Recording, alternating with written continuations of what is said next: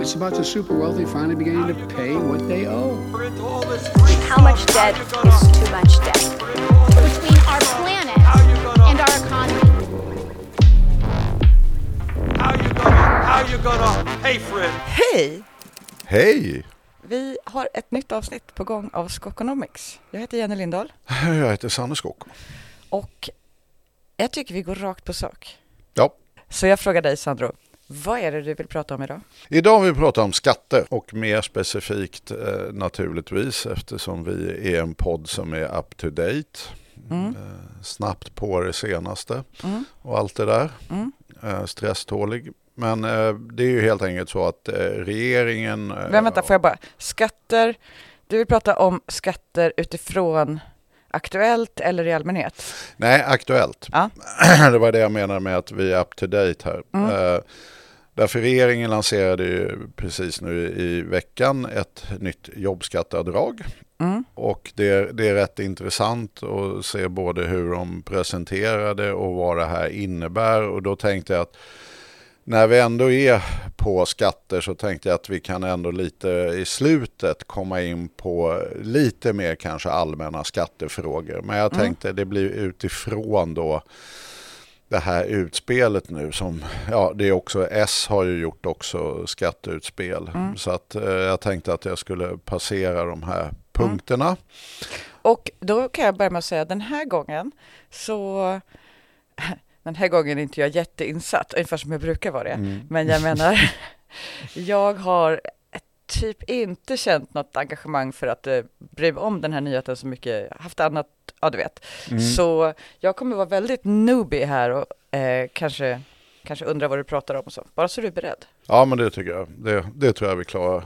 Jag tror vi klarar det. Eh, statsministern och finansministern kallade ju till presskonferens och sa då följande. Vi kommer därför att eh, göra ett nytt jobbskatteavdrag med fokus på låga och medelhöga inkomster. Det betyder att en vanlig familj med till exempel en polis och en sjuksköterska kommer få 14 000 kronor lägre skatt 2024. Och det låter ju rätt okomplicerat. Det låter okomplicerat och typ eh, typiskt Reinfeldt-regeringen på något vis. Ja, alltså jobbskatteavdrag är ju Anders Borg lilla bidrag till världen. Ja. Det här är knappast det första. Utan det här är ju ja, verkligen trist moderat politik. Inga överraskningar här. Det finns dock en liten överraskning. Därför har man eh, ja, hållit på med siffror så pass länge som jag har gjort så skramlar det alltid runt massa siffror i huvudet på en som man har sådär och då kan man sätta ihop dem i olika ja, ekvationer och olika eh, konspirationsteorier. Olika konspirationsteorier. och det gör ju det att man oftast har en sån här, ja, jag brukar kalla det för gangsterberäkningar som oftast inte hamnar så himla tokigt. Du känner igen grejer. Ja, vet, man vet några siffror. Ja. Och när jag sagt faktiskt direkt när jag tittar på den här presskonferensen och han sa att nu ska vi göra den här reformen och den ger 14 000 till en eh, polis och en syrra och jag vet ju då hur mycket ungefär de tjänar och de kan inte överdriva för mycket. Jag vet hur eh, jobbskatteavdraget fungerar idag och vad det ger eh, i så att säga skattesänkning för det här paret och det är ju då 3 000 kronor var. Eh, och det han sa nu, det var att det skulle kosta, eller de skulle få, jag vet inte riktigt varför de lägger ihop så här, det är väl bara för att få en större siffra, men de här, de ligger ju i det här snittet där man maxar ut. Det är mellan 30, med en månadsinkomst på 35 till 59. Mm. Det är den gyllene liksom, zonen för The jobbskatteavdraget. golden. ja, Då får man max jobbskatteavdrag. Då får Efter man det max. så planar det ut. Innan får man mindre och efter får man mindre. Va? Så att Får där har man du... mindre, mindre eller får man det bara mindre i relation till vad man tjänar? Nej, du får de facto Du får mindre. mindre. Ja, det alltså, det var ju en grej som, det gjorde ju inte Det var ju Anders. det mest omoderata de har gjort liksom. Nej, eh, det var inte de. De gjorde en helt vansinnig konstruktion. Särskilt, men det får vi ta, jag tror vi Ja, det har vi det något. Nej, det tar vi inte nu. Nej, utan det där hittade faktiskt sossarna på och det genomförde. omoderat. vilket, det var därför det var omoderatigt. vilket var väldigt bra. Ja. Att eh, de takade och trappade av det. Va? Så får man, tjänar man bara nu, det. den bortre gränsen är 150 000 så får man ingenting, Mm. vilket är ja, alldeles utmärkt. Men så, att det, du sa en nu, liten i den här zonen så Ja. har de 3000 var, var idag. idag. Eh, och så vet man då Per, eh, 3000 per år. Nej, nej, vad säger jag? 3000 i månaden Va? på den månadsinkomsten. är det 3000 i månaden i jobbskatteavdrag? Ja, det kostar också väldigt mycket. Därför det är den andra då lilla pusselbiten man har. Och det är nämligen det att jobbskatteavdraget nu, de här som har gjorts genom åren utav Reinfeldt och Anders Borg. De kostar alltså i runda slängar 140 miljarder. Så att det, är- det är ingen gratis affär. Va? Och då kan man ju snabbt lista ut att, mm, vänta nu, om, om, det där, om de här 3000 kostar 140 miljarder Ja. Så kommer ju varje hundralapp i runda slängar kosta liksom 4,5 miljard om du höjer. Om man tänker att du får Ja, just det. 3000 spänn så kostar ju det där. Och här blev jag mer än lovligt förvirrad därför han utlovade nu, om man då tittar på det här, så utlovade han 585 kronor i månaden i skattesänkning. Är det det 14 000? Det är det För de 14 två 000 blir. blir, för, om man Ja. delar först på två Och sen på 12? Ja, exakt. Så blir ju det 585 kronor. Det, det här är De- för att du, har, du har jobbat för- så mycket med siffror. Så du, du kan räkna ut det här. Ja, Ja. så jag satt där och tänkte, men vänta nu, det här, det här går inte ihop. Va? Därför att då kan man nämligen också räkna ut att det här är ju liksom south of 20 miljarder och de sa att det kostade 11. Om, om du ska ge svenska folket 500, det här gänget då i svenska folket, därför du får inte alls samma om du är undersköterska, men givet samma profil då. Om du ska ge dem 585 kronor mer i månaden så kommer det snarare då enligt min lilla gangsterberäkning landa på ja, någonstans mellan 22 och 24 miljarder och inte 11 miljarder. Dubbelt så mycket. Ungefär i runda slängar dubbelt så mycket. Så att jag hade väldigt svårt att, och, vilket jag twittrade ut också, eh, hänger inte riktigt med hur den här regeringen räknar.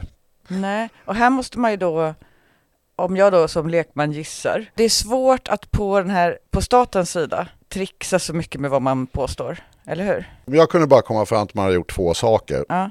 Ett, för det första att man aktivt ljög på presskonferensen om vad det kostade. Det vill säga att man påstod att det här skulle kosta 11 miljarder men om man nu antog att de inte ljög om de 585 Ja. då skulle det ju snarare ligga på 22 miljarder. Och då undrar man ju lite... Ja, men, det är det jag menar, att det kommer ju synas jättesnart. Ja, och då, då tänkte jag att om de, om de ljuger om de 11 Ja. och de 585 är sanna, Ja. då kan de ju ha gjort, i och med att de nu är moderater, Ja. då kan de ju ha gjort någon sån Dynamiska effekter!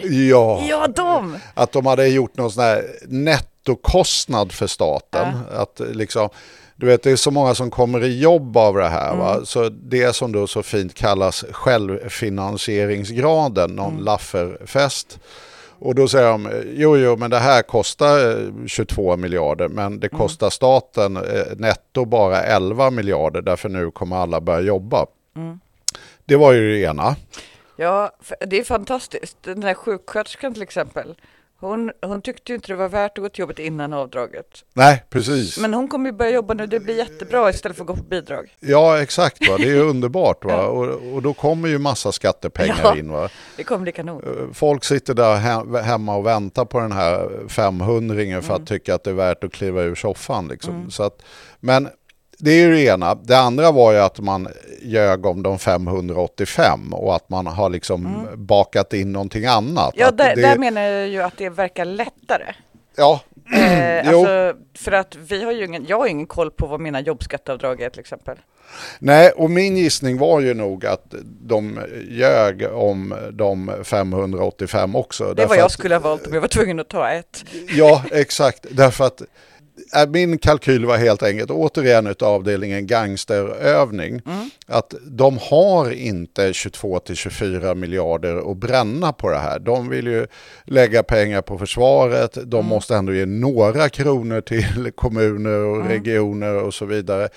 Och nu har de inte presenterat hela budgeten men gissningsvis vill de väl lägga några spänn på bensinskattesänkning och så vidare.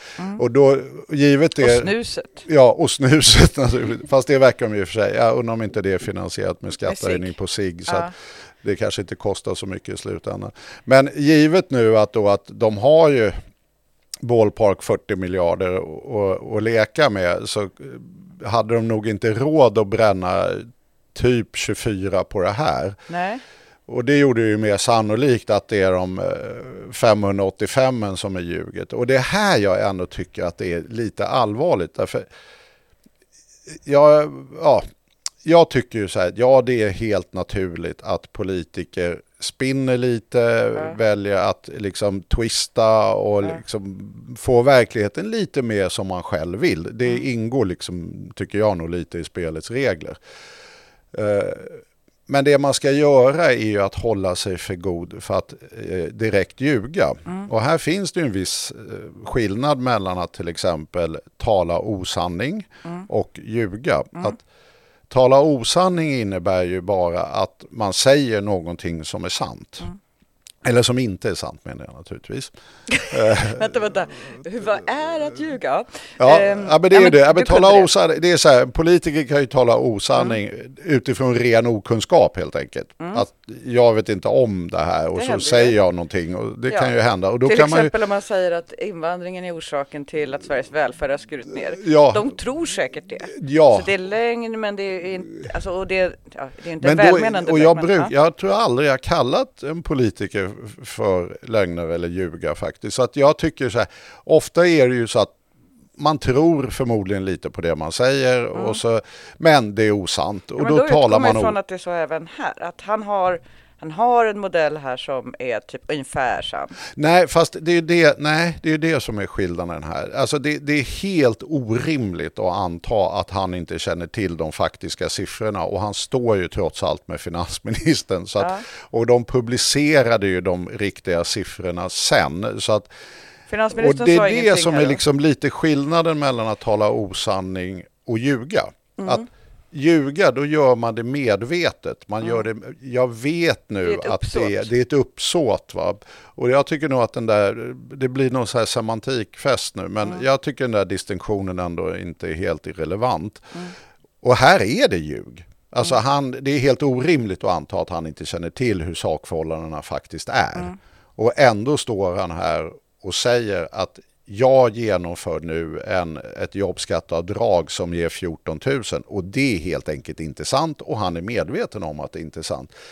Jag tycker den gränsen ska man som politiker inte passera. Nej. Han hade behövt lägga till och det hade ju räckt med några ord där. Och vill han nu säga att det blir 14 000 Alltså, bör så... inte passera, det, det, det, det är väl, är inte det typ förbjudet? Om man är minister? Förbjudet är väl Alltså tveksamt. inte som politiker, men som minister. Att, ge, att, att ljuga eller ge vilseledande information. Jo, det är inte lämpligt. Eh, jag- är faktiskt lite förvånad över att vet, du, media inte har gjort en, eh, ändå en liten grej av det här. Därför tittade man på spinnet, alltså anledningen till att de ljög var ju att de förmodligen vill ha ut den här siffran att nu får alla svenskar typen, därför det är ju det, det blir allting blir ju förenklat och man kan inte de här skalorna. Nu får alla en skattesänkning på 585 kronor i månaden. Eller 14 000 då per år för en familj. Alltså, de ville få ut stora siffror. Det körde ju media på. Eh, jag såg ju presskonferensen och då var det ju en journalist som ändå påpekade Uh, hallå, finns det inte någon tabell, någon beräkning? Och då var det så här, det kommer sen. Var det Furtenbach?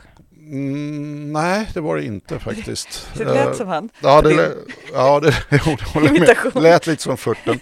Men eh, nej, och det där är ju, och då, så att de fick ju ut den där först, men sen tittade jag faktiskt också på Aktuellt. Ja. Och då kom den riktiga siffran. Eh, och som lirar lite bättre med mina gangsterberäkningar. Eh, därför det är nämligen inte 585. eh, utan det är 271. Hälften då, För precis som du samma, sa. alltså exakt samma Ja, det stämmer ju då med vad du räknar ut att man får för, för det de har lagt. Ja, exakt. Så att det var ju de 11 miljarderna som stämde Mm. och de 585 som var snömos. Och hur får de det till 14 000?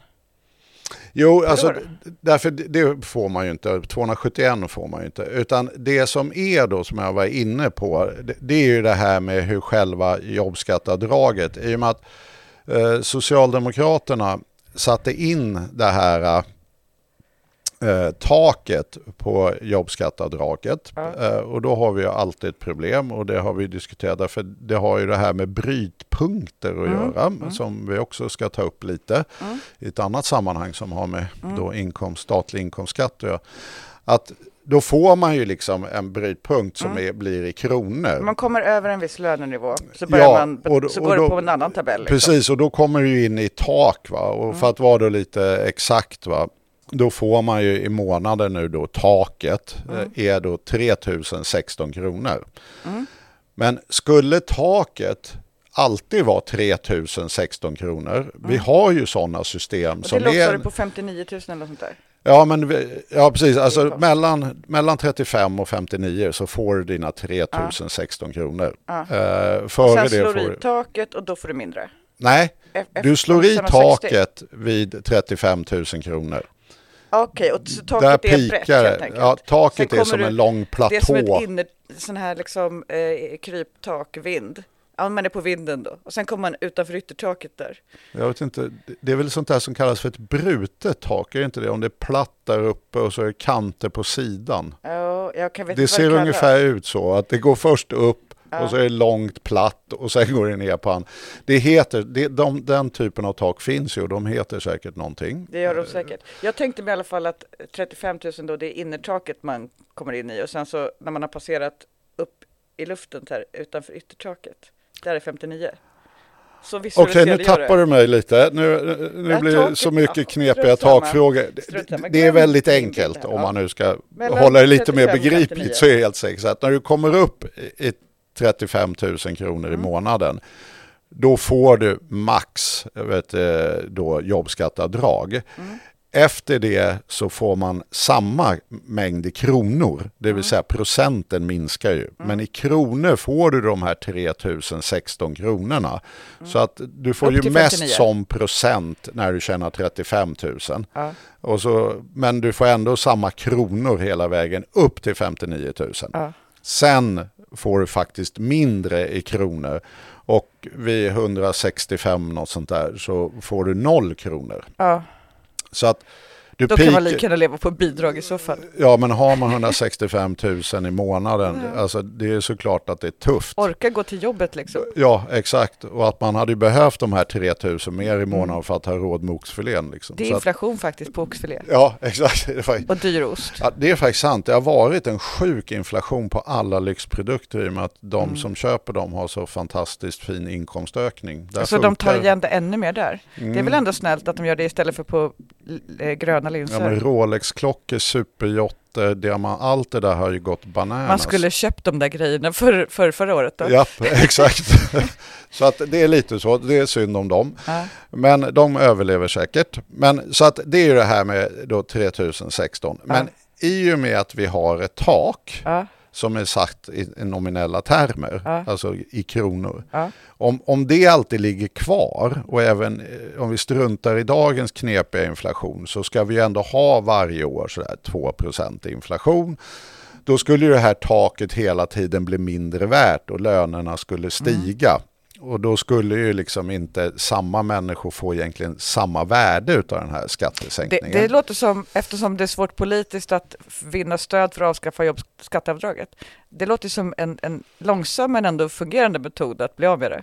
Jag, jag tycker att det var lite dumt utav sossarna att de inte, jag menar ta barnbidraget till exempel. Alltså det är inte indexerat. Nej, det är bara att avskaffa Det- det indexeringen liksom- så försvinner det, ju så just- småningom. Ja men det är ju det, det är ju satt i pengar. Så här, Ja. här får du barnbidraget, Ja. det är så här många kronor det är. Ja. Och tar man inte aktiva beslut att höja det, ja. men då är det vad det är helt enkelt. Mm. Och det gör ju det att det gröps ut varenda år. Va? Eh, Och Mm. nu med en dramatisk hastighet gröps det ur då i och med att vi har så mycket inflation. Mm.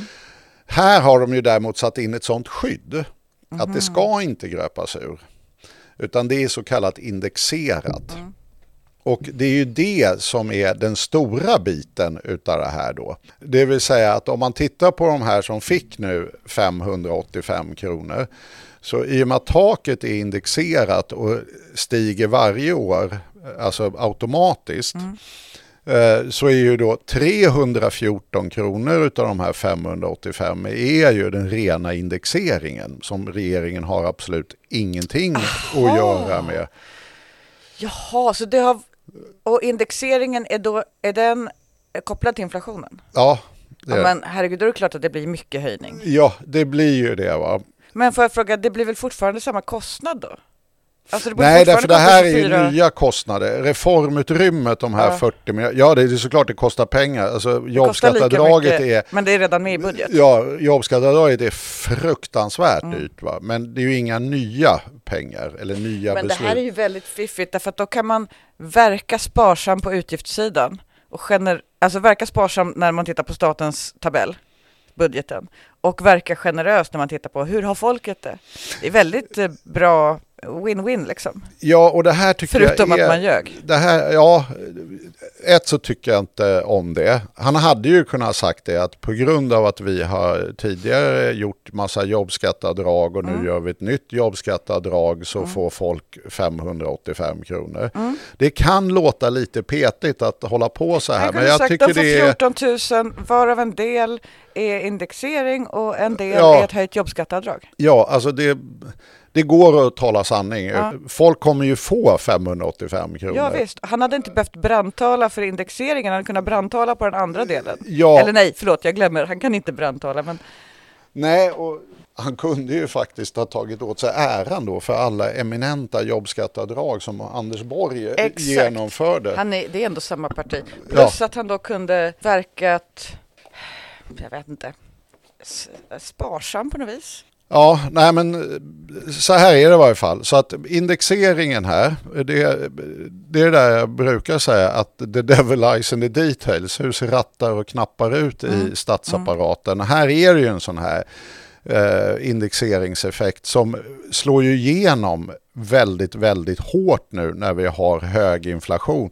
Och det här ger ju högre inkomster till de som redan har höga inkomster. Jag menar, om man tittar till exempel på hur det här utfallet nu blir. Då en person som då tjänar runt 17 000 kommer då med indexering som då är 177 kronor. Och själva hans insats nu, det han de facto gjorde på den här presskonferensen är 16 kronor i sänkt skatt. Så Va? då får man sammanlagt en, Vilken inkomst var det här sa du? ungefär 70, det är 16 667 kronor har de räknat med. Men det här, och det kan ju låta väldigt lite, då, för de körde ju något sånt här då, men titta här har vi två kommunalare. Ja. Eh, och och den, de visade ju, och det, det säger... Polisen och sjuksköterskan kan ju vara kommunalare. Ja, det kan, ja men jag kan tänkte... vara Alltså, de, kommunalare. de, ja, där får vi jag då vara. Mm. lite mer precis nu. Eh, på deras PowerPoint-presentation så står det ju så här då, därför sänker vi nu skatten på arbete. Eh, och sen så står det då, det ena exemplet är Skatten arbete. Ja. Två vuxna med Kommunals lägsta lön 20 220 kronor. De får då 5 600 enligt den här tabellen. Vänta, Eller vänta. Tabellen, är så den här mycket siffror Kommunals lägstalön, 20 000 ungefär. Ja, 20 200. sa vi. Och, och då kanske man är vaktmästare eller, eller något ingångslön eller så. Mm. Eh, vårdbiträde. Och då får man alltså, Enligt det här 5 600 per år. Och då Ja. måste man ju dela det på två och så dela det på 12 som vi gjorde förra gången. ja, Och då blir det ju inte så jättemycket det blir pengar. hundring va? Ja, och hundringen får de ju ihop här. Och, och det tittar man då på tabellen så ser man ju det att typ skulle du tjäna då 25 000 kronor Mm. i månaden då får man ju då utav det här det de presenterade Mm. de facto 113 kronor. Så där har du ungefär en Mm. hundring om du tjänar 25 000. Men takhöjningen gör ju att du får 180 kronor där. Så att då får man ju 300. Indexering menar du? Ja, indexeringen Ja. menar jag. Ja, men För det är taket är takhöj- man långt ifrån. Ja men takhöj, ja det är indexeringen, Ja. att alla får ju liksom mer pengar. Va? Kurvan är indexerad. Eh, och då får man ju då om man tjänar 25 293 kronor i minskad skatt med både indexering och det nya förslaget. Precis. Den- Även där är den större delen indexering. Rätt mycket större delen får man säga. Det är väl typ två tredjedelar som är indexering Mm. och en tredjedel är faktiskt förslaget. Mm. Och det här, det här är ju liksom knepigt därför att eh, om man tittar på det här så ja, du kan ju gå på Kommunals lägsta lön 20 200. Men alla som kan det minsta lilla om den här frågan vet ju att det grasserar ju deltider eh, hur mycket som helst inom de här områdena. Så att du får ju, även om du, det är ju det SCB också gör, man räknar ju alltid om allting till helårsekvivalenter, det vill säga att jag jobbar heltid och får full lön och har månadslön. Men du kommer ju inte få 20 200 i månaden om du till exempel jobbar 80 procent. Och jag såg en, kommunal, eh, en av Kommunals rapporter som tittade på äldreomsorgen och där alltså 70 procent utav de anställda i privat sektor hade deltider. Mm. Deltid är säkert med delade turer också. Garanterat. Eh, och, och det där är ju det att ja, men, då hamnar du ju inte på dina 20 000. Då kanske du är 18 000, eh, 18 halvt eller 18 eller någonting får du ut de facto. Och det är ju det det räknas på. Det är ju inte så din teoretiska månadslön. Utan, så att det är ju väldigt många människor här som kommer de facto få utav det här 50 spänn kanske.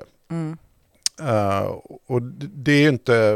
Det är inte 585 eller vad det är. Nej, Det är- nej. det är ju inte det. Va? Eh, och 50 spänn, eh, det är inte så mycket att leva på i det här läget med de här matpriserna. Det kan man inte och, köpa en ost för. Nej, så att det, det är liksom, och samtidigt så kostar det Man ändå... kan inte köpa ett paket kaffe ens en gång. Nej, och samtidigt kostar det 11 miljarder då. Ja. Och utav de här 11 miljarderna får då de här som har deltider och jobbar inom Kommunals lä- lägsta yrken, de, de får ju en, en väldigt liten del utav det här helt enkelt. Och det ser man ju också. Va? Tittar man på den här tabellen så de som då får minst, de får ju 16 kronor utav det här. Och de som får mest, i och med att det är ett tak, får då 271 kronor. Men med indexeringen så blir det ju likadant. Att om du tjänar till exempel 125 000 kronor i månaden, då har man ju fortfarande råd med ändå lite mat och inflationen och sådär va. Rolexarna har blivit dyra så det kan ju ha gått mycket. Det kan ha gått mycket till Rolexen, det kan det ha gjort, eh, och Ferrarin. Men ändå, de får ändå en liten, eh, lite tröstpris här på en skattesänkning på 770 kronor. Medan de som verkligen nog skulle behöva pengarna får istället en 200 eh, Och då kan man ju alltid hävda så här, jo jo men 770 på 125 000 det är i procent inte jättemycket. Va?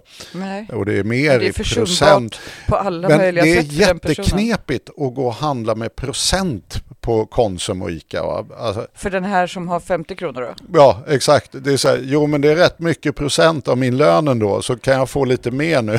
Man inte... skulle ju kunna tänka sig inkomstbaserade priser. Du betalar, den här osten kostar 1% av din inkomst. Ja, då skulle ju det här funka. Ja.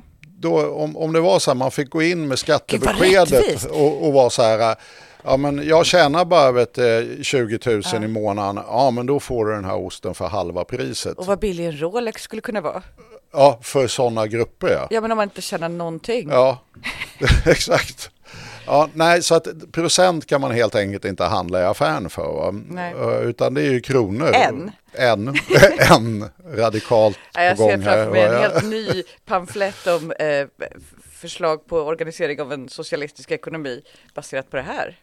Det har jag aldrig sett. Ja, och då kommer vi ju då till den andra sidan, eh, vilket är ju då att jo, men det här kostar ju 11 miljarder. Mm. Och det här som man kallar reformutrymme, det är ju inget Det reformutrymme. är automatiska nedskärningar. Japp, som vi har pratat om tusen gånger. Jo. Så att det här är ju hämtat med Det vill säga där man nedskärningar. inte har indexerat. Ja, det är ju det. så att det va? blir mindre och mindre värt. Ja, så att bland annat hämtas ju pengarna till exempel ur barnbidraget. Exakt. Och eh, alla pengar till välfärd och sjukvård och så. Ja, och, och det där gör ju det att ja, vi har gjort nu nedskärningar ungefär på 40 miljarder. Nu slänger vi ut 11 utav de här. På, Den automatiska nedskärningen i år menar du 40? Mm. Och det är då, och det är det man kallar reformutrymmet. Oj, pengar över! Ja, Så vi tog vad ska vi göra med de här? Vi kan göra vad som helst. Alltså vi har byggt ett, ett liksom populistiskt rövhål utav politiken. Äh, Så, vad så kan man också uttrycka.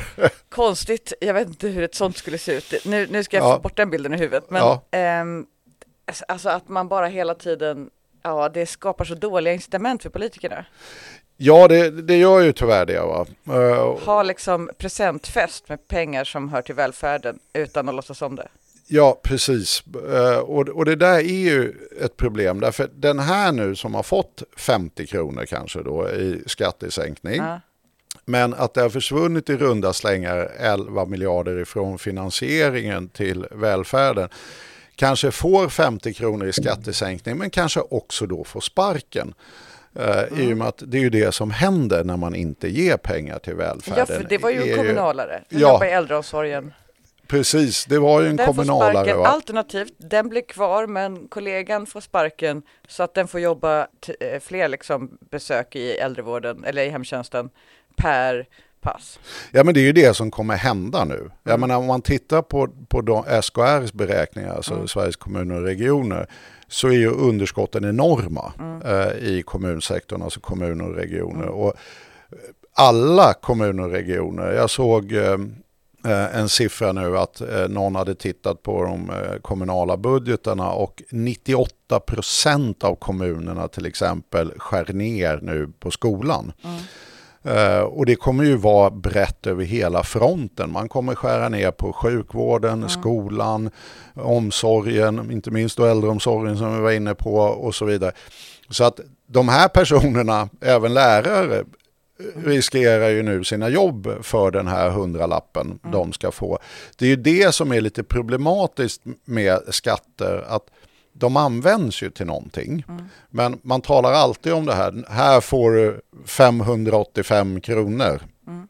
Och så är det inte ens 585 utan det är någonting annat. Men bortsett från det så är det ju också en konsekvens utav detta. Eh, och några av de här som får den här 50-lappen eh, kommer att på grund utav att några andra får 50-lappen eller ännu mer kommer att förlora hela lönen.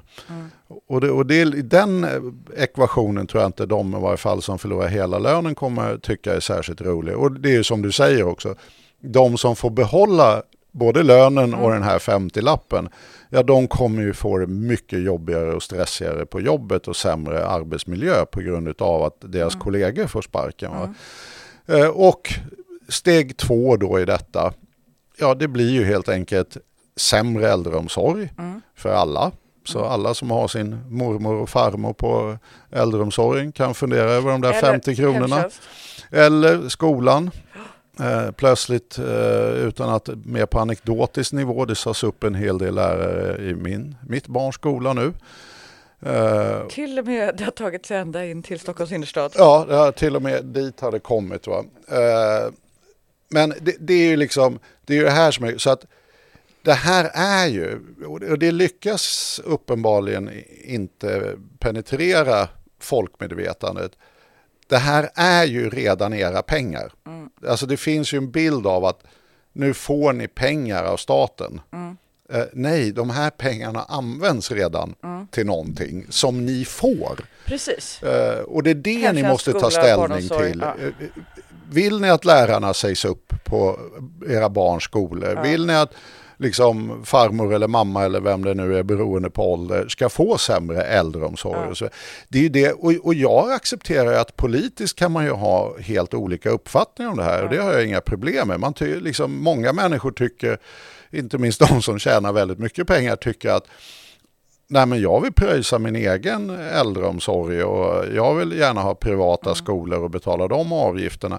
Sen så tror jag att i och med att vi inte har det i Sverige så tror jag att de grovt underskattar hur dyrt det är. Så att då, även de gör nog en rätt, man, man får tjäna fruktansvärt mycket pengar innan det blir lönsamt. Det, det kommer till exempel siffror från Ja. USA nu. Ja. Alltså collegeutbildning som nu föräldrarna måste då spara till. Eller som man kan ta svindyra ofördelaktiga lån till. Ja, och de har ju tokrusat priserna på Ja. utbildning. Så skulle man vara en Jag får ångest medelklassamerikan bara jag tänker på USAs utbildningssystem.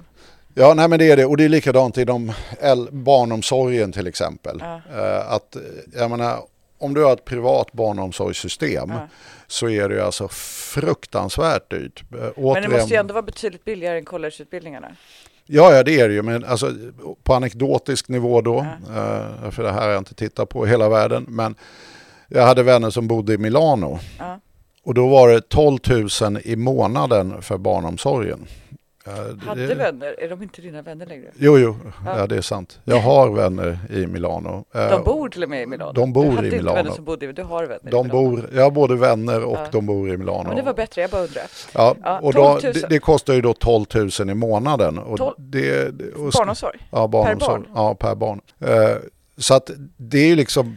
Det, Var det Porsche barnomsorg, liksom typ extra fin barnomsorg med ankfilé och så, eller var det...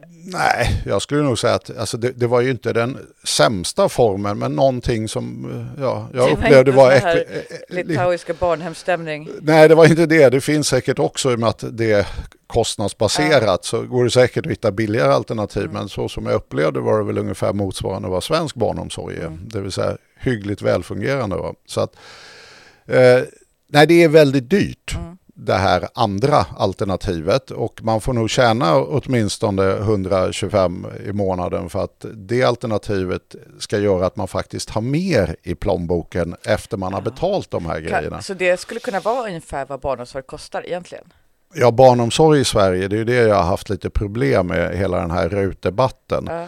Att folk har tagit det som att ska vi subventionera eller ska vi inte subventionera? Och den, Ja. den debatten tycker jag egentligen är lite dum därför att det finns inget land i hela världen som, eller det gjorde inte det, Nej. men nu är det nog lite mer tveksamt, men som subventionerar just tjänster så mycket som vi gör. Nej men maxtaxa i barnomsorgen Ja, så. exakt. Alltså vi subventionerar ju sjukvård, vi subventionerar ju barnomsorg, äldreomsorg. Alla de här är ju monumentalt subventionerade. Vad betalade man? Nu var, nu var det ett tag sedan folk gick på förskola, men vad betalade man? Ett par tusen eller något sånt där va? Ja, maxtaxan, jag vet faktiskt, men det är ju någonstans där efter Ja. maxtaxereformen.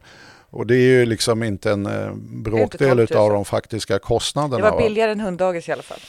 Ja, till exempel. Eh, så att vi subventionerar jättemycket. Jag tycker hela RUT-debatten är ju egentligen vad tycker vi är värt att subventionera? Ja. Om, om det här vi har tyckt var värt att subventionera väldigt länge därför Ja. att vi ser sådana andra positiva så kallade externa effekter utav det. Barnomsorg som vi tog subventionerar gör ju också att vi får ett mer jämställt samhälle, att kvinnor har lättare att gå ut i arbetslivet och så vidare.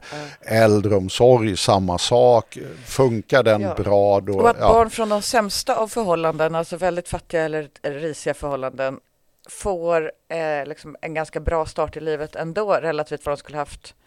För deras föräldrar skulle ju aldrig ha råd med barnomsorg. Nej, och det är ju likadant med skolan naturligtvis. Har ju väldigt positiva externa effekter. Det vill säga att genom att vi tog subventionera skolan så har vi ju då möjlighet att ge alla en bättre, nu är det inte så jämnt, men, men alltså det är ju inte så. nej det är inte så. Men, det här har ju också att göra med privatiseringen ändå, och vinstuttaget och allt sånt Ja, där. ja, men det har, idag har det ju brakat samman. Mm. Men det var ändå det som var grundidén med subventionen. Mm. Och det, det skrev jag om i min bok. Att då skrev jag en hel del om skolan. Att skolan var ju ursprungligen tänkt just att den här subventionen Mm. ska ju gå till liksom de mindre lyckligt lottade ekonomiskt Mm. i huvudsak. Ska de tjäna på denna liksom subvention? Mm. Att de får en likvärdig och god utbildning som det då heter. Men med det här campus, eh, vänta nu, det här, det här har jag fått skäll för. Det finns tydligen kvar, nej det man får säga campus Manila, det är Mm. inte skolan Manila man får säga. Därför den finns tydligen kvar men ligger inte längre på Manila. Mm, nej. Ja, Men också... Manillaskolan har jag Manil- sagt. för Det är en annan Manillaskolan är väl skola. en så här dövskola? Den finns kvar, de har flytt, den låg ju på Manilla förut. Den har flyttat och ligger inte längre. Det här var lite krångligt. extra kunskap. Det här är Men jag för er fick ett sånt, jag fick ett sånt mejl. Säg inte Manilla-skolan. Eh, och det är helt riktigt. Det Ja. heter Campus Manilla. Ja. Så jag sa faktiskt rätt. Det är en sån där skola som du kan jämföra med liksom Eton eller något liknande. Va? Alltså det är ju fruktansvärt dyrt. Va? Så att vi håller ju på att göra om den här väldigt fina och liksom egentligen också socialliberala idén att alla ska få liksom en chans i livet och så här, till en brutal subvention utav överklassen. Att de slipper nu betala för Eton och det, och det var nog inte så vi hade tänkt systemet ursprungligen. Jag tittar också snett när jag går runt i min, i min ort då för att jag ser att scientologernas skolor bara breder ut sig. Ja, det, ja, Det är, ett liksom, det är så annat- mycket konstiga effekter här. Ja, nej, men, Det ska, men, det ska vi betala men för kort också. sagt, vi subventionerar massa saker därför att vi tänkte ut en gång i tiden att det här har andra positiva effekter på Ja. samhället i form av jämställdhet, i form av att alla får lite bättre chans att komma igång i livet och så vidare. Eller Mm. Och där alla... hade vi en idé också om att eh, det- finns, det finns ett politiskt ansvar för att liksom, styra samhället i en viss riktning. Ja, Eh, det vilket, också. Vilket gjorde att man då, ja nej men vi tycker nog att det är bra om alla har går på förskola och att eh, alla har en skola som är ungefär så här och så vidare. Fast man då, ja, det är lite översittaraktigt men det är också samtidigt då eh, ger en grundnivå för samhället som, som är trygg och bra. Ja, och det är faktiskt också rätt smart va? Därför att Effektivt. rent, stick, ja, exakt, alltså ett rent ekonomistiskt perspektiv, vilket man inte alltid ska anlägga men ändå, så har ju Sverige världens mer eller mindre högsta sysselsättningsgrad. Den förklaras i praktiken uteslutande utav att kvinnor har ett mycket högre arbetskraftsdeltagande och det i sin tur förklaras i praktiken uteslutande utav äldre och barnomsorg. Så att det, det är inte en så dum affärsidé att effektivisera det här eh, på det sättet vi har gjort. Jag har en fråga också om den här automatiska nedskärningen när man inte indexerar upp pengarna till välfärden. Eller Tidigare- barnbidragen. En del av de här 11, miljonen, eller 11 miljarderna är ju snodda av barnfamiljerna. Mm, precis. Mm. Just det, för där, eftersom det är så mycket inflation så blir det ju en stor skillnad.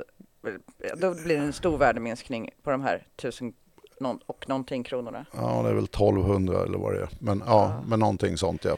Ja, ja, men jag tänker då, om tidigare, jag kommer ihåg under Reinfeldt och Borg så satt man och undrade så här, men hur kan det med de här stora skattesänkningarna inte bli jättemycket större nedskärningar? Och då hade det också att göra med tillväxten. Nej men det blir ju, nej, det, alltså det blir ju jättestora nedskärningar. Det är ju det, är ju det som är lite kruxet. För det jag var inne på var just det här med tjänster. Alltså Ja.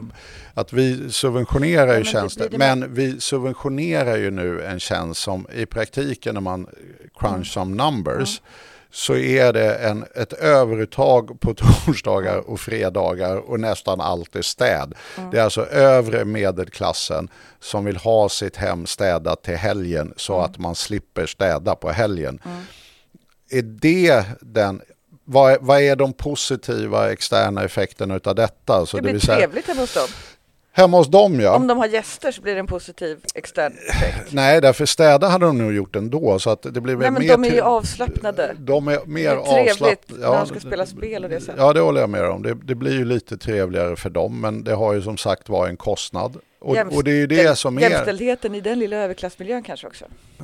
kan man tänka sig. Det är så de brukar säga, han är sig. Ja, jo, i överklassmiljön så kanske jämställdheten Det blir kanske bättre. hade säkert varit frun som hade gjort det. Ja, det är, det är möjligt. Men ändå så ska man ju väga det då mot att äldreomsorg, sjukvård, skola och då det är där jag tycker. Lite jag tycker bra, inte, lite dåligt. jag ja. tycker inte principen om subventionera är problematisk utan jag tycker att eh, det finns absolut noll anledning i det här ekonomiska Mm. läget och när man har knappa resurser att just subventionera städning på torsdag och fredagar. Det har jag väldigt svårt att se någon ja, nytta med. Men Ja. om vi bortser då och går tillbaka till det du frågade om.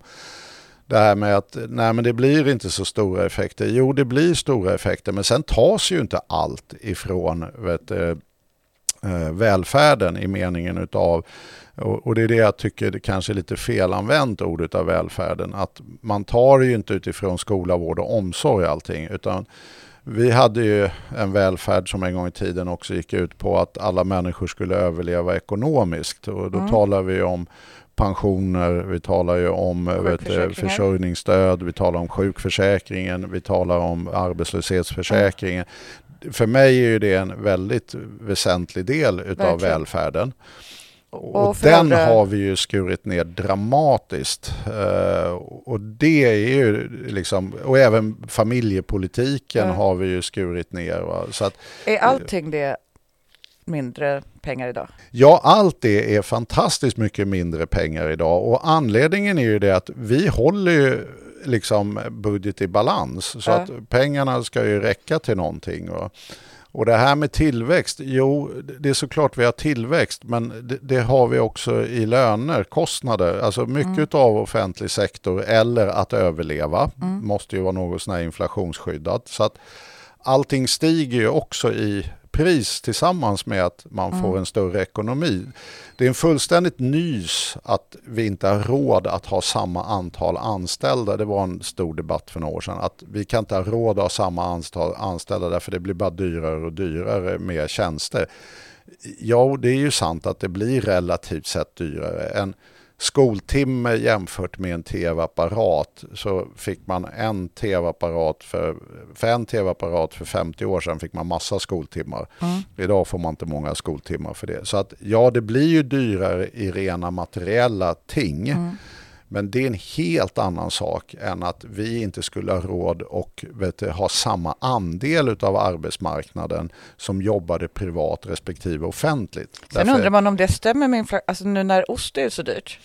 Om inte det där då Ja, jämnas just ut. nu så har mätt i ost så har man ju fått lite fler lärartimmar för osten Ja. än man fick förut.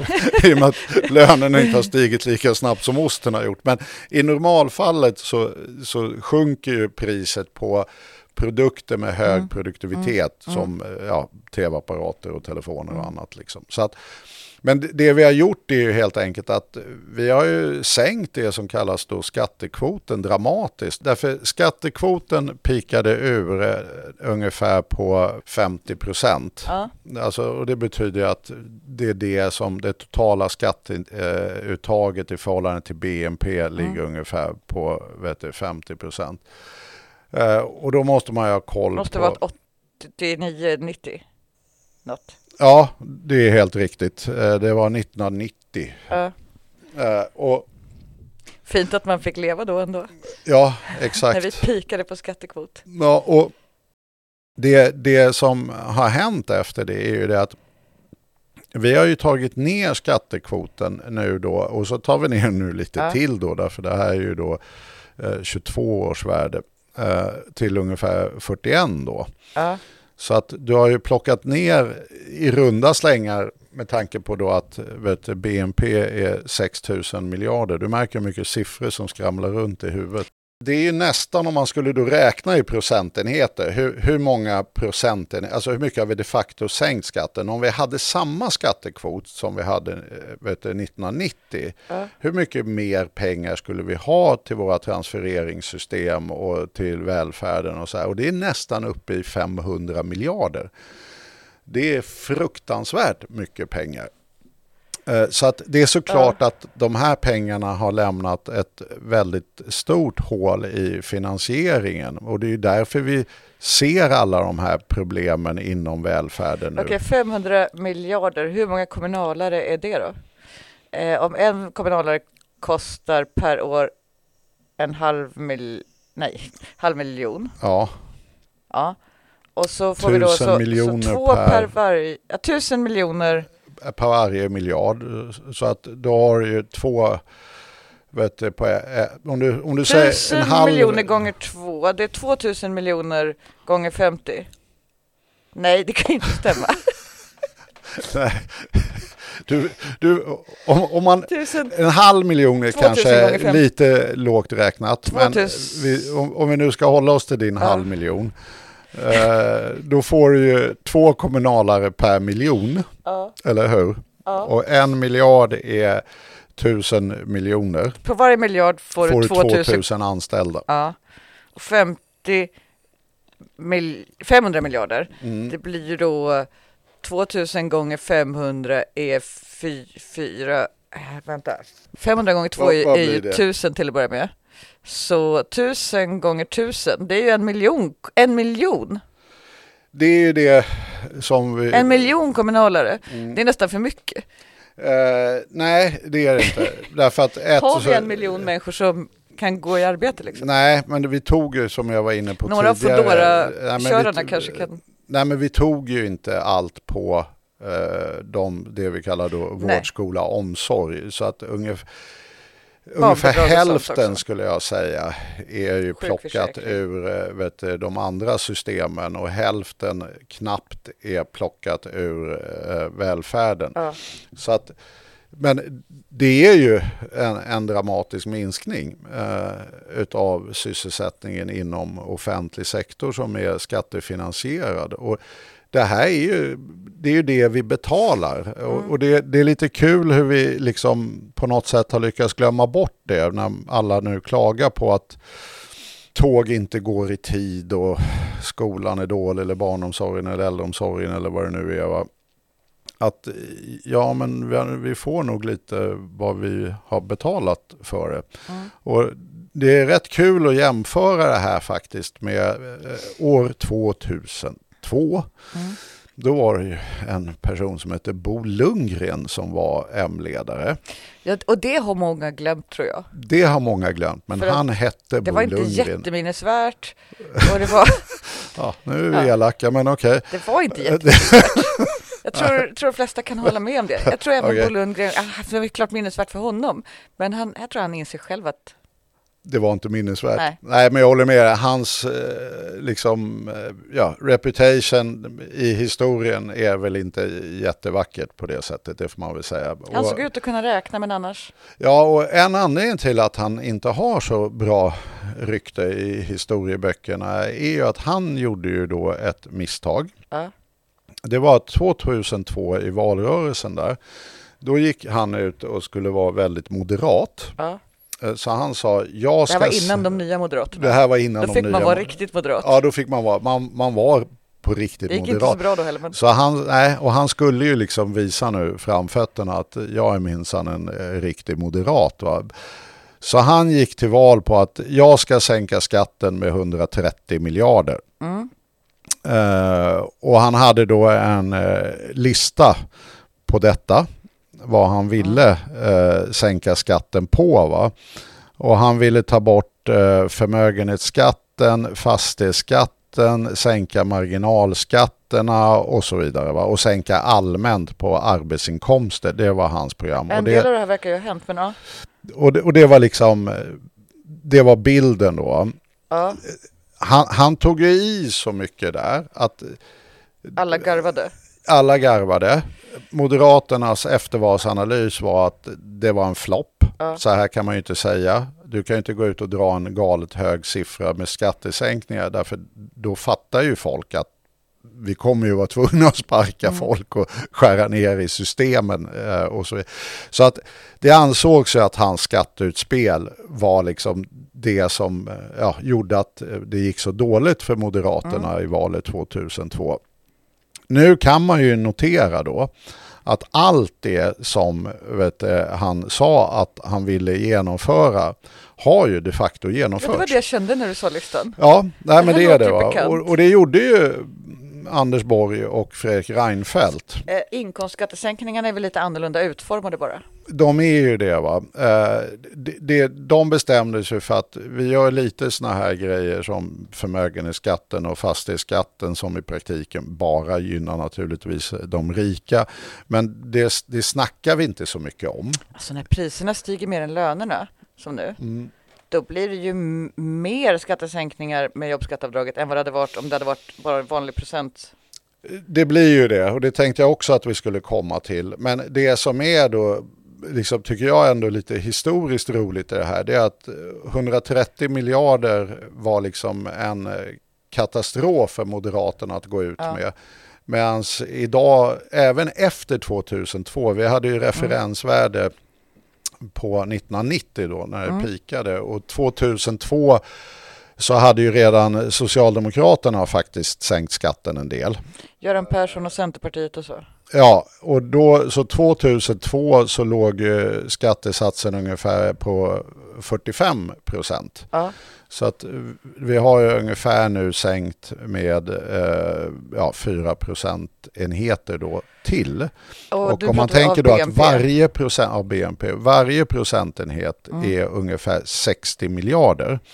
Och det vart ju lite kämpigt där när 240 du då? skulle räkna men nu har du ändå en lättare... 240 miljarder. Precis.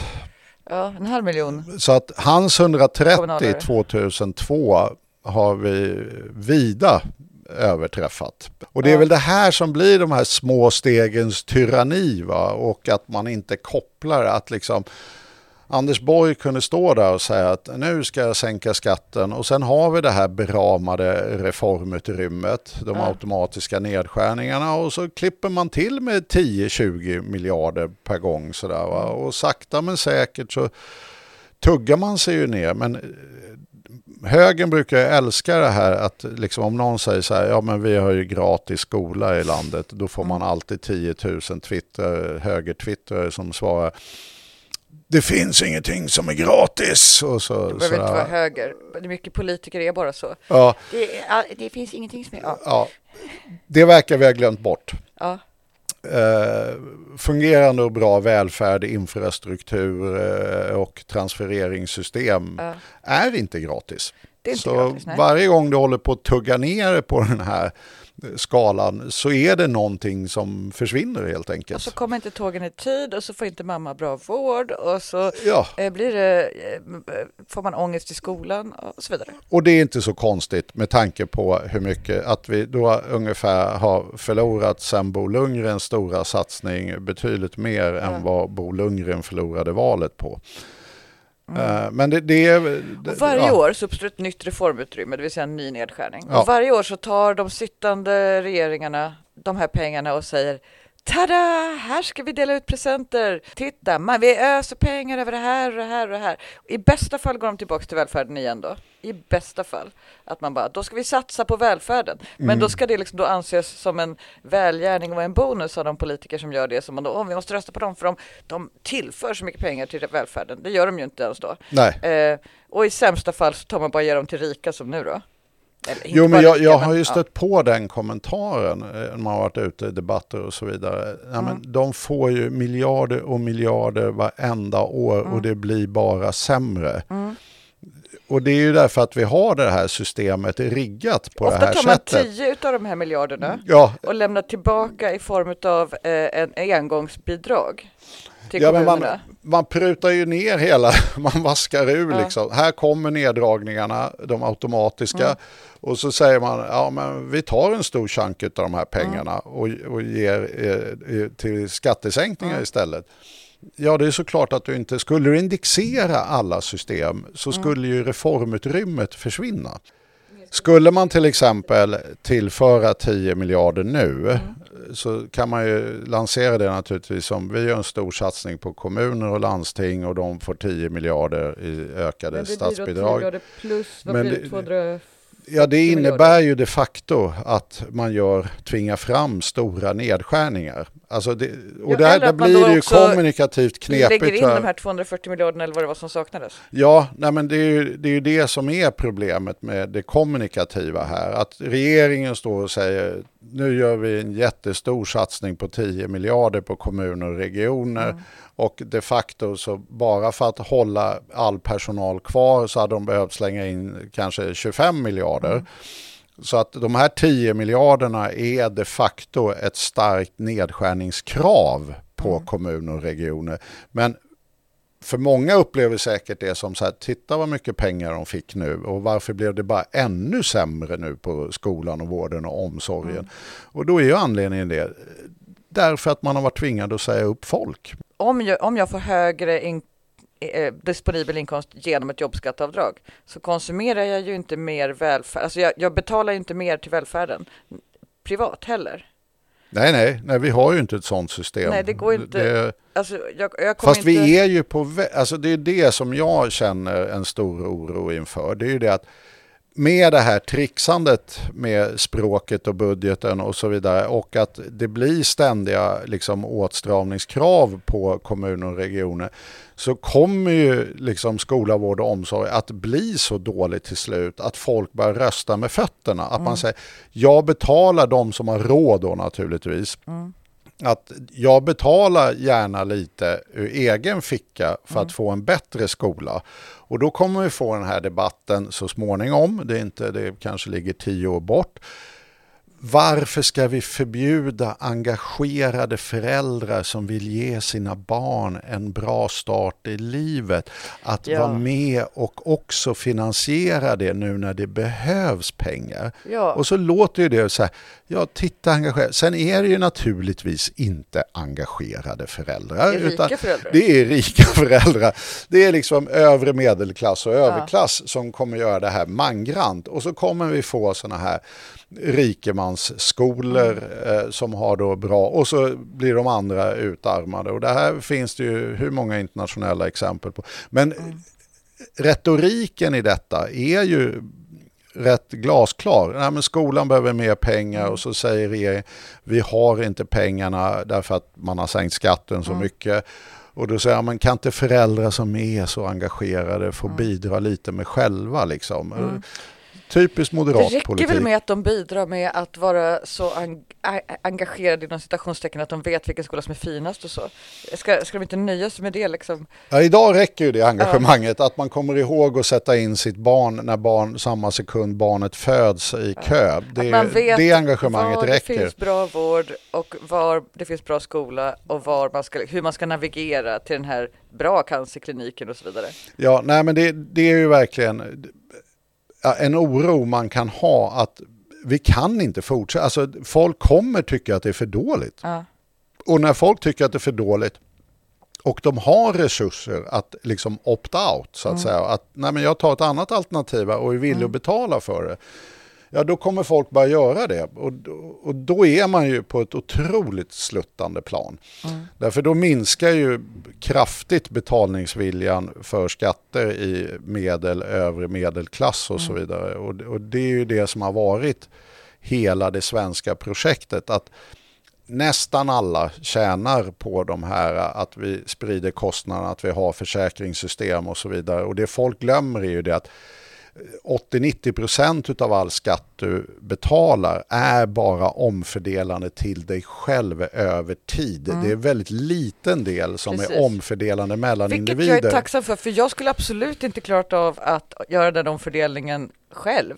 Nej, Skulle jag då när jag var 20 och tjänade jättelite sparat ihop så att, eh, så att jag hade råd med kejsarsnittet senare, eh, det skulle inte gått. Nej, och det börjar ju på back redan när du föds. Va? Du, du har ju Ja, förlossningen. Jag, ja, men då får man räkna, ja, men det, får, det får ju föräldrarna stå för. Ja, Så att då men tänker då- jag att jag skulle då betalat för Men folkets då bygger det ju på att dina föräldrar har varit så smarta att de de facto hade sparat till allting du behöver. Därför Men Då får man, det går som ju... i Storbritannien till exempel, där ingen skaffar barn. Mm, nej, men det, det, det är ju inte. det. Och det är ju likadant då i det här Milano-exemplet. Milano har ju alltså en skrämmande nativitet. Va? Ja. Alltså, Milano håller ju på att försvinna. Ja. Eh, och det är ju... För de gillar inte invandrare heller, eller hur? Nej, i norra Italien är de inte särskilt Nej, förtjusta i Så det, invandrare. det är kört för dem. Ja, det är lite kört. Va? Nu får de ju ändå lite invandring. Men, vet, du, men det är ju så. Alltså ligger du på en nativitet på en halv procent eller på Mm. 1,5, inte procent, 1,5 barn per, Per- då kvinna. per- per- som, ja, för- för då ingår ju- kvinna. Men också så att säga i den kalkylen. Ja, därför vi får ju inte barn. Då minskar man med en halv procent. Ja, du behöver ju då, eh, vad det nu är, 2,13 barn. Ja. Eh, lite knepigt den där 0,13 där va, men per kvinna. För att, För att några dör. För att upprätthålla Ja. befolkningen. ja, men för att några dör yngre än normal ålder, antar Ja, jag. därför ni är två. Ja, just det. Ja, ja. De här 0,13 Precis. är- Jo, jo, 0,13 är ju... Så man måste reproducera sig själva. Ja. Eh, Liksom, kvinnor har helt enkelt en skyldighet att reproducera mannen också. Så man måste ha två stycken. Det är min skyldighet. Ja, två stycken och lite slask. Mm. Eh, och vet du, när du ligger liksom på en, Jag, tänkte, jag trodde du skulle, när du ligger och jag typ, nu går du in i detalj på hur det här går till. Ja, exakt. Nej, jag tänkte det är en helt annan podd. Ja. Jag tänkte faktiskt avstå det. Men vet du, Om ni har några frågor, mejla Sandro. ja, nej, det finns väl någon sån här på alla jag lig, legat med. Den eller är vad ju heter jättetråkig tycker jag. Jaha, ja, jag har inte hört den. Men jag Men det är en lovande titel men den, den är inte så kul. Nej, okej. Tycker jag. Nej, okej. Men det lämnar vi åt det, den podden. Eh, Jag tänkte mer bara konstatera det att om du typ har du ett fer- fertilitetstal på ett, då reproducerar du ju bara en människa av de här två som har gjort den.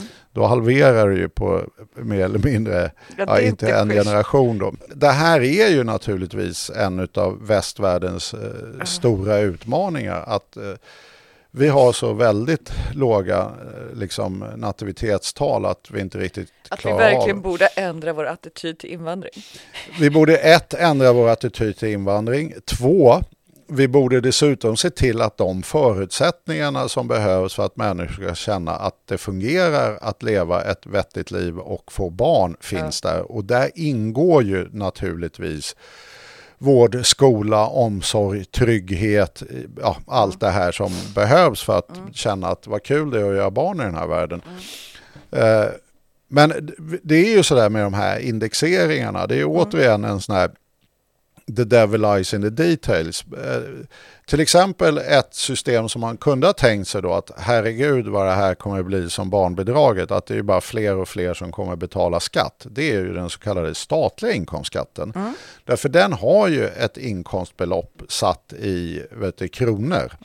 Och det skulle ju då smälta bort dramatiskt i, ja, i Vänta, du, höginflationstider. nu, nu, nu, jag vet inte om du var tydlig. Den har ett inkomstbelopp satt i kronor, sa du det? Ja men alltså den har en, en inkomst, en, den är satt i kronor. Alltså, vid en viss inkomst i kronor, I kronor. så kommer du börja betala statlig skatt. Japp. Ja. Och det är ju över det, det känner jag ibland blir väldigt förvirrat Mm. i debatten, inte minst när såna här som ja, högerdebattörer går ut och säger att ja, nu får de här stackars människorna betala statlig inkomstskatt. Jo, men ligger ju precis på gränsen som ligger vid, om jag inte missminner ungefär 51 000 nu. va. Då, då betalar du ju ingen. Alltså det är ju på det överskjutande beloppet. Så att du måste ju tjäna rätt mycket mer än skiktgränsen för att det ska göra någon större Hör du, skillnad på kom- din... Kommer du ihåg när Mona Sahlin sa att det är sexigt att betala skatt och det? Mm. Man skulle kunna göra en merch av det fast på statlig inkomstskatt. Jag betalar statlig inkomstskatt. Som man kan ha på sig då, för det är lite sexigt ändå att demonstrera att man ligger så högt Ja. i inkomst. Exakt, och det gör man. Ja.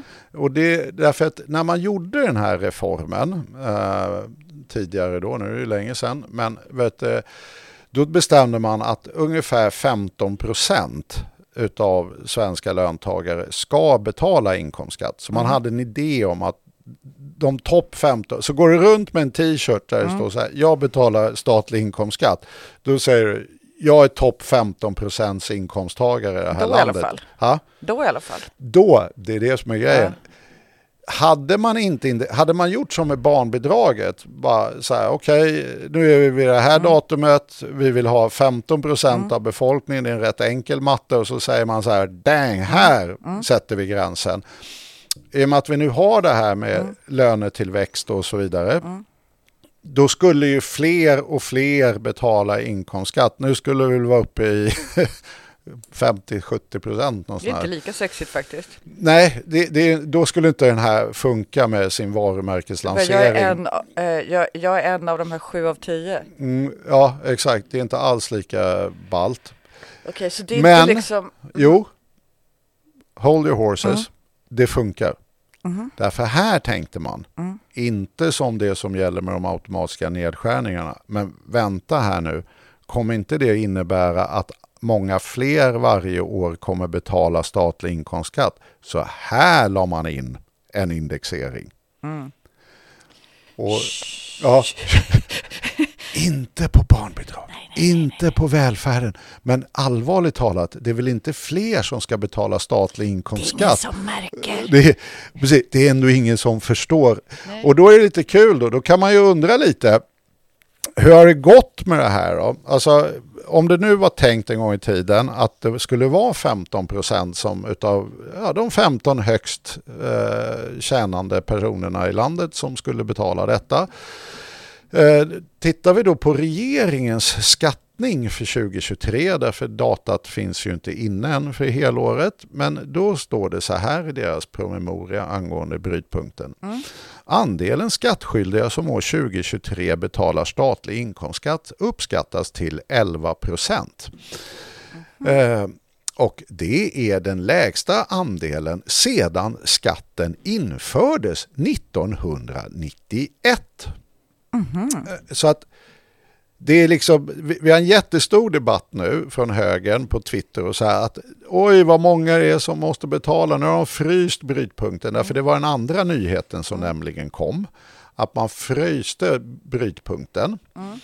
Eh, och då ledde det då till att de här, eller idag då att 11 procent eh, betalar och att vet du, nu kommer då med den här pausade uppräkningen ungefär 13 procent betala nästa år, 2024. Vänta, vänta, 13 procent.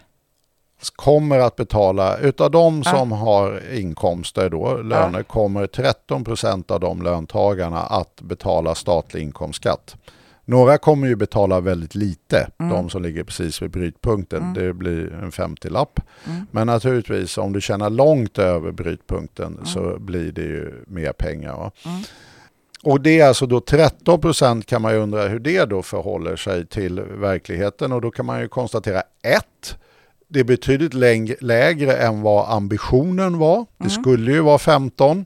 Idag, är vi nästan, idag kan man nästan gå med en sån här skylt, jag betalar statlig inkomstskatt, jag är topp 10.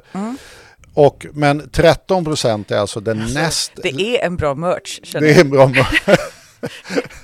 Kan men- funka. Ja. 13 procent då är ju alltså den näst lägsta nivån sedan införandet. Eh, och den ligger ju fortfarande under så skulle man då liksom eh, ja, få fler i linje med vad man en gång beslutade att det skulle vara de här 15 procenten.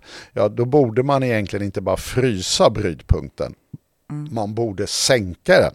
Så vi kommer upp till de här 13 procenten. Eller 15 procenten. Så att det, det, det är sånt här, det det är viktigt vad man indexerar och hur man indexerar det helt enkelt. Och det kan man ju konstatera, Ta- tar vi då barnbidraget som naturligtvis människor idag har ett extremt behov utav. Jag menar, barnfamiljer träffas ju fruktansvärt hårt utav till exempel eh, de kraftigt stigande matpriserna. Det är ju de som konsumerar mest mat liksom och lägger störst andel av sin hushållsbudget. Ja men där har vi ju en jätteurgröpning utav eh, vet, eh, barnbidraget. Eh, nu har jag inte räknat på det men man har ju man, man, det är också en Det sån här där kan grej. alla göra var och en i huvudet. Du får Ja. 1200 fortfarande. Du betalar jättemycket mer för mat, det vet ju alla. Ja, och det, maten har ju, om jag inte nu missminner mig, stigit med 17 procent. Inflationen är ju mycket lägre än vad den totala matinflationen är. Ja. Eh, och om du då lägger en väldigt stor andel utav dina pengar på mat, vilket man gör som barnfamilj, då har ju du upplevt en mycket, mycket högre inflation de facto än vad som står på SCBs blad med vad inflationen är. Va? Så att är det någon som skulle ha fått sina indexeringar eh, och eh, se till att få det värdeskyddat är väl just barnfamiljer. Men det är ju sådana här val som avgör vilka system kommer de facto att vara starka och vilka system kommer att vara svaga. Och de svaga systemen det är ju de vi inte indexerar. Eh, helt enkelt. Eh, därför utan aktiva beslut så händer ingenting.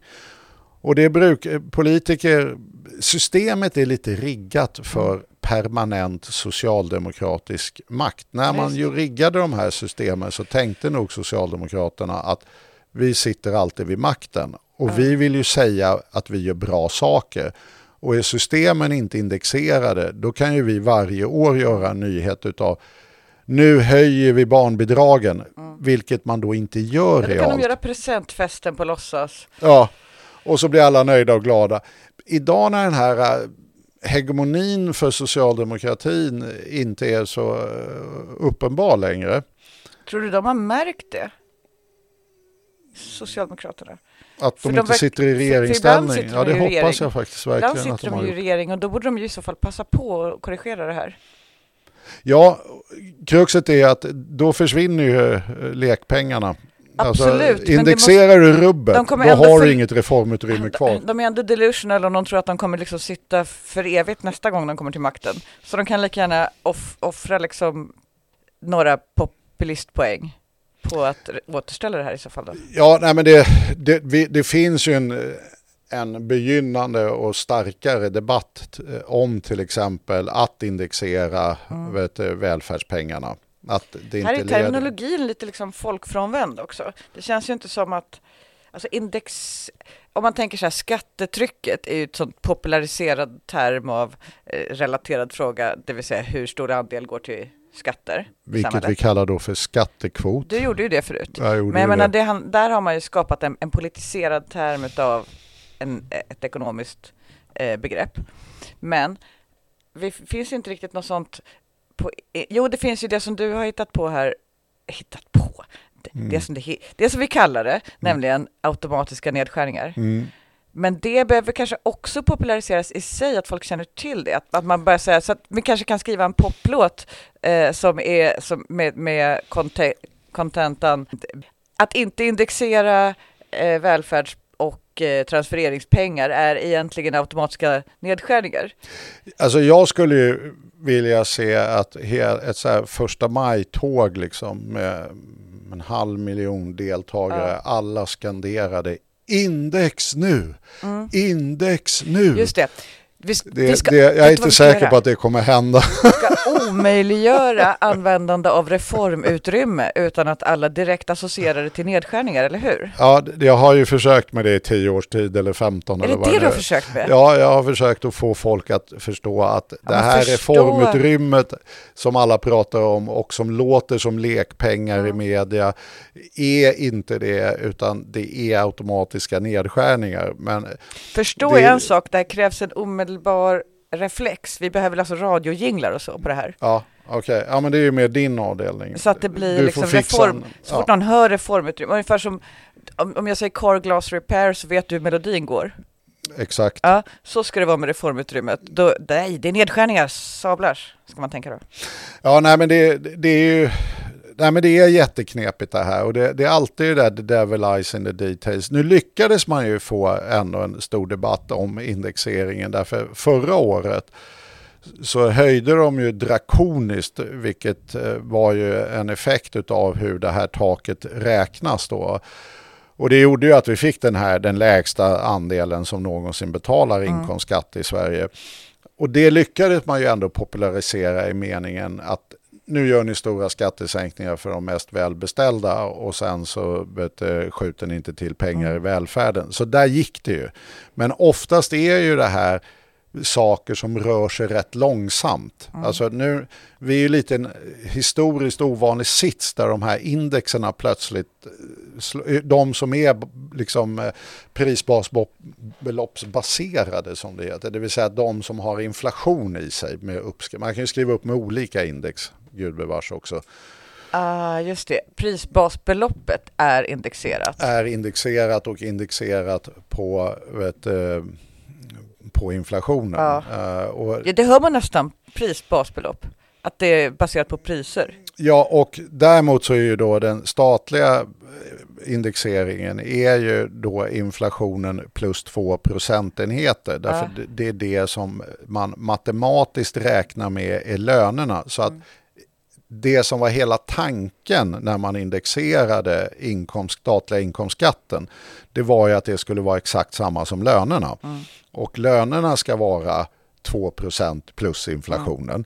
Och då brukar man ha den där väldigt enkla modellen. Inflationen är 2% och så får man vet, eh, löner på vet, eh, ja, 4 då, va? det vill säga realt 2. Och då ska ju också uppskrivningen vara 4. Men det spårade ju ur när inflationen blev jättehög och så smackade man två, på 2 där. Och sen så steg inte alls lönerna. Alls, eller jo det gjorde de, men de steg inte alls lika mycket. Så lönerna är ju inte inflationsskyddade idag. Utan vi har ju kraftiga reallönesänkningar på arbetsmarknaden. Mm. Och det var ju därför det ledde till att i praktiken fick de med högst inkomster, de 10 procent då typ nu, bäst vet, eh, ställda fick ju kompensation för inflationen så att de kunde fortsätta ha det hyggligt medan resten av gänget fick ingenting. Och det är lite tjåligt med tanke på att det är förmodligen ändå lättare att leva om man har plus 50 inkomst än om man lever på 20 000. Mm. Okej, okay, så för att sammanfatta, det bara blöder pengar ur allt som är viktigt här i världen. Eh, och när då statsministern ska skryta lite om det, vilket han ju då gör eftersom det också innebär en, ett, en viss eh, skattesänkning, så passar han på att lägga till lite extra pengar på det så att han kan säga nu gör vi ett nytt jobbskatteavdrag. Men det är inte sant. Nej, han har ju gjort ett nytt jobbskatteavdrag. Ja. Men det är fantastiskt mycket mindre än det han påstod att det var. Va? Han la bara på lite på det som redan var index. Ja, exakt. Va? Och, och det som är då extra pikant i denna historia är ju det att Socialdemokraterna precis innan Moderaterna gick ut med sitt skatteförslag mm. gick ut med ett eget skatteförslag. Mm. Och det, det lät ju sådär lite kanske märkligt. Man kanske trodde att fokus mer skulle vara på finansieringen av välfärden men de gjorde uppenbarligen någon bedömning där. Mm. Men det förslaget de la var nästan exakt det som vet, det jobbskatteavdrag som regeringen hade remissat tidigare. Man brukar mm. nämligen remissa att det här funderar vi på att mm. göra. Och så gör, skriver finansen en promemoria och så skickar man ut det på remiss. Så att det skvallras lite om vilka skatteförändringar som är på väg långt innan budgeten kommer. På remiss till de andra departementen eller? Nej, nej, det är en bred remiss. Va? Så att den, ja. den går ut, folk får tycka till om vad tycker ni om det här. Mm. Uh, och, vet du, och då hade man ju remissat ett förslag som då gav vet du, 1900 kronor per år per person i mm. snitt då. Eh, och 1100 för pensionärer. Mm. Så det var det regeringen hade tänkt göra. Nu får du ta en vild gissning. Vad tror du Socialdemokraternas eh, förslag var? Nu har ju du ställt väldigt ledande fråga, så jag det, säger det, att det var ungefär samma då? Det var exakt samma. Alltså det hade varit så konstigt att gissa på riktigt. Ett par dagar innan där så gick Socialdemokraterna ut och sa att vi tänker sänka, de mm. gjorde helt enkelt ett jobbskattavdrag, mm. exakt det som regeringen redan hade föreslagit. Mm. Det de gjorde däremot, eh, som är då en liten twist, det är ju det att sjuka och arbetslösa i de här jobbskatteavdragen får ju inte en spänn by default. Alltså de får inga skattesänkningar alls. Det är så vanligt. Ja, och, men däremot så hade Socialdemokraterna då gjort exakt vet det mm. som eh, borgarna hade tänkt sig göra. Men man hade då vet petat in eh, också då sjuka och eh, arbetslösa. Ja, det, det lär ju betyda mer för dem, den här hundringen eller vad det blir. Ja, och det, det är ju naturligtvis en, en bättre twist. Liksom. Ja. Sen kan man ju fråga om det är så lämpligt att tävla i skattesänkningar. Men det är det som är lite problemet kan man ju säga. Va? Att då gav ju det här för, för den här till exempel någon då som eh, var ja, i mitt i sådär 30 000 någonting så, och det tror jag Socialdemokraterna också gick ut med. Då fick man 150 kronor uh, utav det här. Och det är ju mm. samma peng man skulle ha fått om, om Moderaterna genomförde det de hade tänkt att mm. genomföra. Men nu har ju de lagt sina 150 kronor och det här är ju naturligtvis ingenting jag har kännedom om. Men det förslaget som sen kom och som inte var remissat.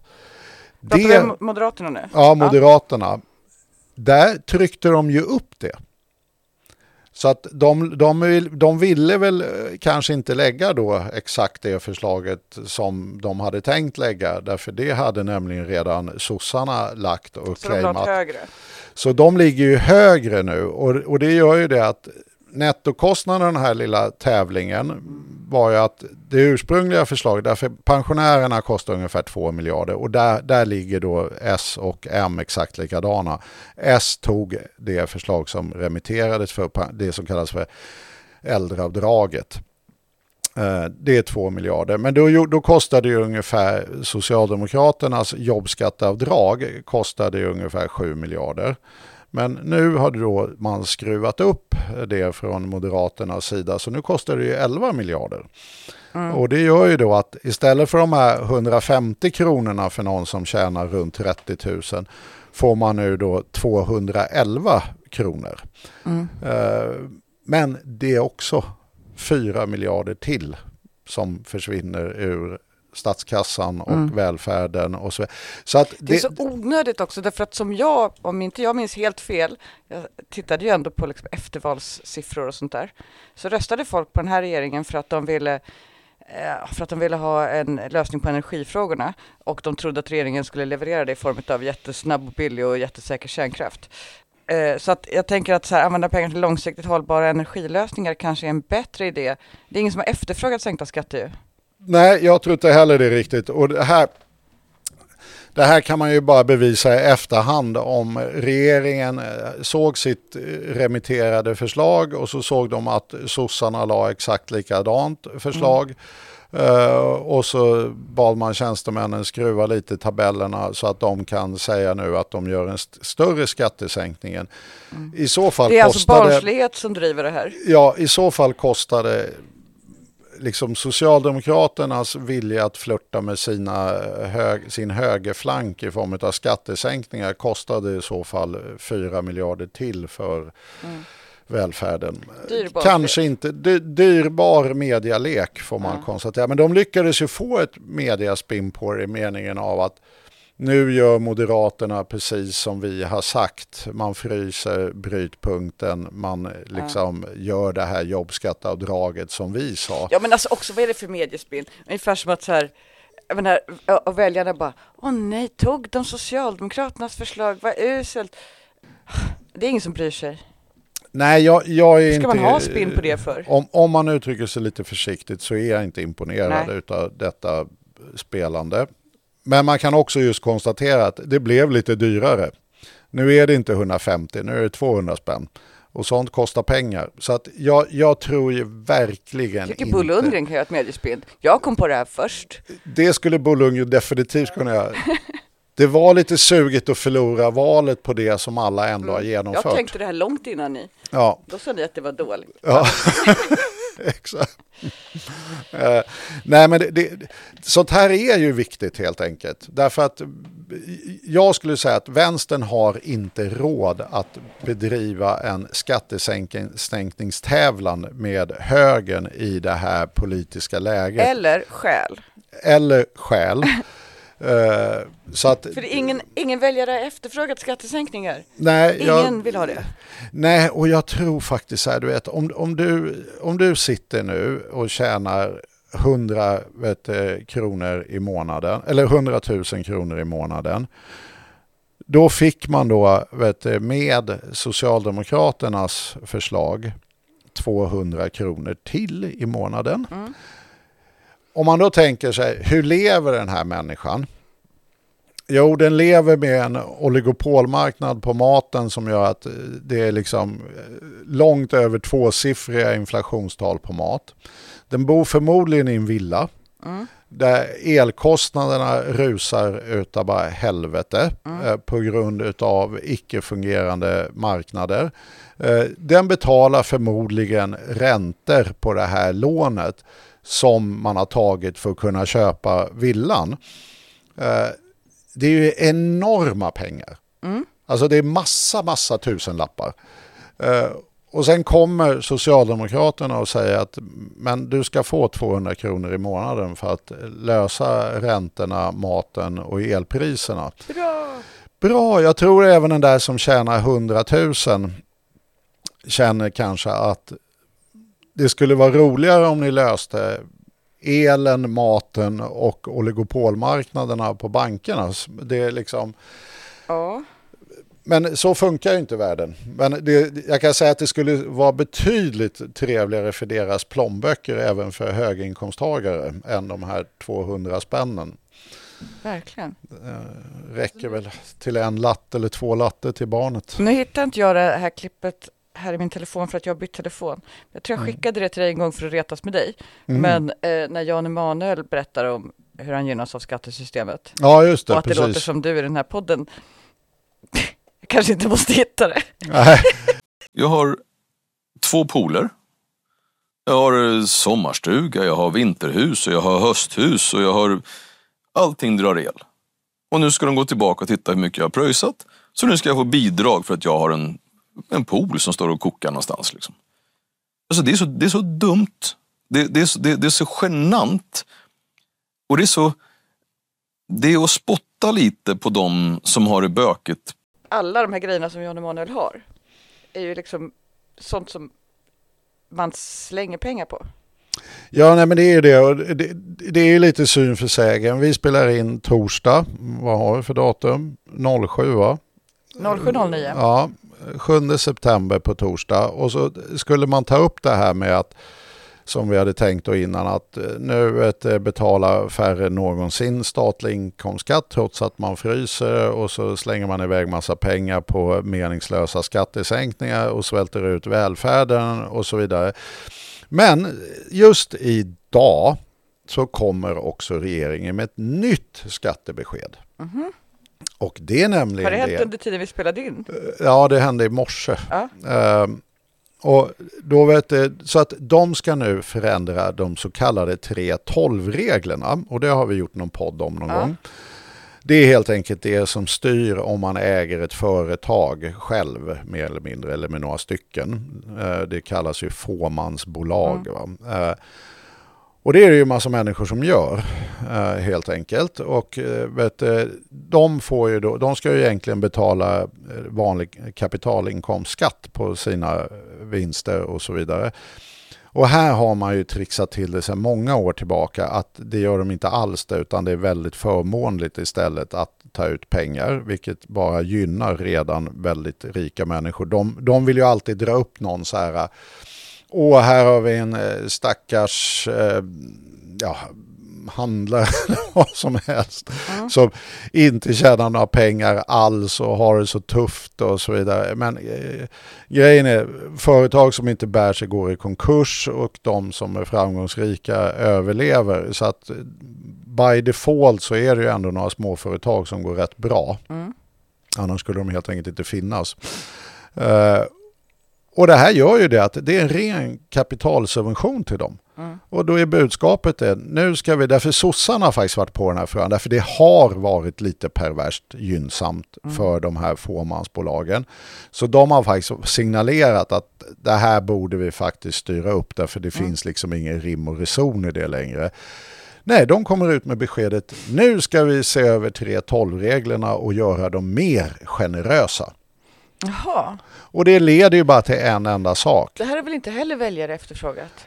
Det är det definitivt inte och det är förmodligen inte så många väljare som vet vad det är. Men det här är en ren och skär subvention till de redan mest välbeställda hushållen. Eh, Och det trycker naturligtvis ner skattekvoten lite till så man flyttar liksom lite mer pengar från skola, vård och omsorg till de absolut rikaste. De måste verkligen ha en enorm tilltro till marknadsekonomin. Men alltså det är lite det här också, givet hur mycket Rolex har gått upp i pris och superjotter och privatjet och så här, så man, man förstår ju att ändå det är rätt pressade ekonomier även för miljonärer och miljardärer liksom. Så det är väl det som driver på helt enkelt. Jag står kanske på Strandvägen och hoppas att det tricklar down en Rolex från något av fönstren. Exakt, det är trickle down en Rolex. något måste de tappa någon gång. Ja, man, ser, man ställer sig på Strandvägen och ser om trickle down funkar helt enkelt. Ja, men vi ses där Ja, då. ja. Nej men det, det, det är verkligen ohemult hur de här, ja men mycket traditionella, som jag faktiskt var inne på förra podden, att egentligen tycker ju höger och vänster exakt likadant om hur ekonomin funkar och vilka instrument man har. Mm. Det vill säga man har skatter för att göra samhället mer väl, jämlikt och att vet du, jämställt och att finansiera offentlig sektor. Man har arbetsrätt, eh, mm. kollektivavtal, starka fackföreningar för att st liksom stärka förhandlingsmakten för löntagarna. Alltså egentligen är den här bilden otroligt enig. Men det är också väldigt tydligt hur man sakta men säkert då ger sig på de här instrumenten. Mm. Att man sänker skatten, man sänker kapitalskatterna, man ger sig på facken. Eh, liksom. Så att det här spelet fortsätter ju. Sen att hela samhällsdebatten handlar om någonting annat, det, utan handlar mer om koranbränningar, det, det är väl eh, alldeles utmärkt för högern. Jag får så ont i huvudet. Det är liksom bara så här, ja men är islam bra eller inte? Men det bestämmer inte politiker liksom. Nej, Nej men det, men det jag, jag, tycker det skulle vara kul om eh, liksom, höger och vänsterpolitik politiker bara kunde ta varandra hand och säga ja, vi har exakt samma världsbild vi tycker de här instrumenten är de som styr samhällsutvecklingen. Låt oss prata om vad vi tycker det om dem. Det skulle vara en bra idé ifall det inte vore så att väljarna då skulle gå åt vänster eftersom de föredrar vänsterns ekonomiska politik. Det är helt riktigt. Så därför har uh, högern kommit på det och att det är bättre att prata om muslimer. Och därför kanske vänstern ska vara lite försiktig med att ge sig in i alla den typer av debatter. Det är väl en slutsats Jag håller käften alltid. Ja, det... men kort sagt, alla ni som har ett eh, framgångt fåmansbolag och har sparat stora kapitalsummor i vilket många har, så grattis till er. Och till alla er där ute som känner, något måste jag göra. Eh, varför ska jag inte bara skriva arga grejer mot eh, kristdemokrater på Twitter eh, om vad de har för åsikter? Nej, men skriv istället en jingel angående att reformutrymmet egentligen är en nedskärning. Ja, det skulle jag efterfråga. Och skriv om alla nedskärningar nu som kommer vara som spön i backen i offentlig sektor. Spön, ja. Vadå, var det fel? Jag vet inte. Nedskärning, det, alltså nedskärningar är redan det en metafor. Ja, men jag tänkte spön i backen men det är väl ändå Jag rimligt. vet, men nedskärningar är ju en metafor där man skär något. Jaha, okej. Okay. Jag, jag, visualiserar saker när jag pratar. Jag märker det. Mm. Det är ett problem ibland, men eh, ja. nu ska ni få slippa det i två veckor till. Så ses vi då. Ja. ja. Hej då! Tack, hej! Sätt ditt finger på varje siffra Fråga hur kom den hit? Du ska ta ledningen av natten Du ska ta ledningen av natten